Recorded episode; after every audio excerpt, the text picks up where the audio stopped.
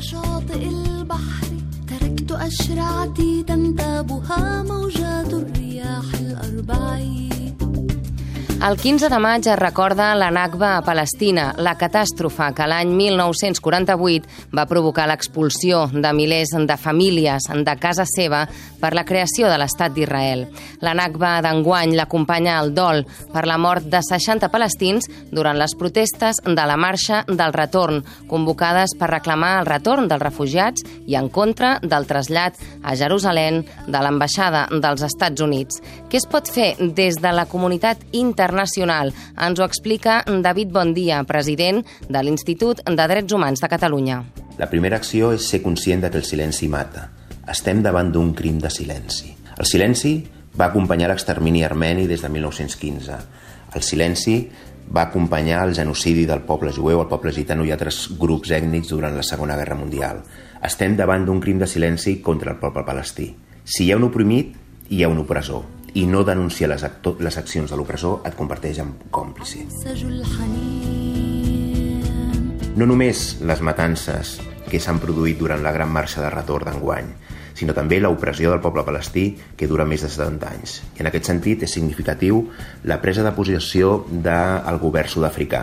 Ha sigut dels primers que ha cridat a consultes al seu ambaixador, perquè tenen molt clar que aquest crim de silenci que s'està cometent contra el poble palestí té un nom, i el seu nom és apartheid. Un apartheid que significa la supremacia d'un grup humà sobre un altre basats en criteris racials o ètnics i que es plasmen en les lleis i en les polítiques i les pràctiques d'un determinat estat. Que es va donar a Sud-àfrica i es dona contra el poble palestí, amb una intenció molt clara, una tortura física i mental per sotmetre un grup a condicions d'existència que provoquin la seva destrucció total o parcial. Suposen violacions del dret internacional humanitari i del dret internacional dels drets humans que han denunciat de forma reiterada diversos comitès de Nacions Unides i relators especials de Nacions Unides. Una altra acció per acabar amb el crim del silenci i l'apartheid contra el poble palestí ha de venir de quatre instàncies. Des d'instàncies internacionals, Nacions Unides i la Unió Europea no poden ser còmplices. En segon lloc, des d'instàncies nacionals, veure que hi ha estats que estan donant suport al règim israelià i per això pot cometre aquestes massacres amb total impunitat. Silencis, en tercer lloc, des d'àmbit autonòmic, veure com hi ha polítics a casa nostra que estan donant suport a aquest règim. I també, en quart lloc, silencis des d'àmbits municipals. Ja no té sentit mantenir acords de germanament amb municipis d'un estat que eh, viola de forma sistemàtica la dignitat d'un poble. Per tant, el que hem de veure és que si volem una societat decent i no neutral, hem de fer front a la societat del menyspreu i contra la dignitat del poble palestí que s'està produint des de diverses instàncies. I què passa amb el dret al retorn dels refugiats de la Nakba? És un dret que és de titularitat individual, que protegeix béns comuns, protegeix la terra dels palestins, però no oblidem aquesta titularitat. Per què?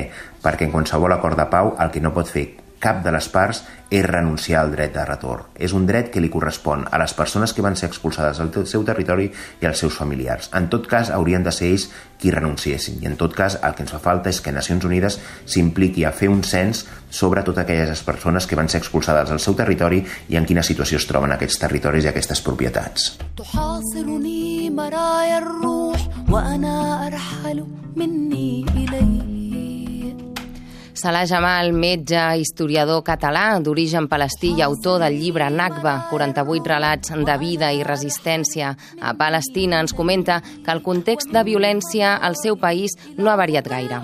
Aquests últims dos dies representa un episodi més de, de la història de Palestina. És veritat que va haver-hi 50 o 60 morts, però això no hi ha molta diferència amb el context de, de Palestina des de fa 70 anys. Cada dos per tres maten gent. Mm, I quan hi ha un massacre sembla que passa alguna cosa nova. No, no. El context és el mateix. És la mateixa tragèdia des de fa 70 anys. Una tragèdia que ve seguida del toc de queda, les expropiacions, els talls d'aigua, el mur, les detencions... I Salah Jamal no veu l'horitzó de la pau. Aquest món les potències, les potències sobretot, estan governades per uns delinqüents i gent faltos de moral. No crec que algun dia faran alguna pels drets humans a Palestina. Aquest és el tema. Vaig sentir el meu pare que deia a la mare em fa por morir sense veure Palestina lliure. I jo era petitó i jo deia, no, hombre, no, això de seguida. I, i ara jo estic deient als meus nanos el mateix i els nets també. És dur, és dur perquè tenim un enemic totalment pervers i fort i víctima i fa del victimisme com a bandera i sense escrúpols.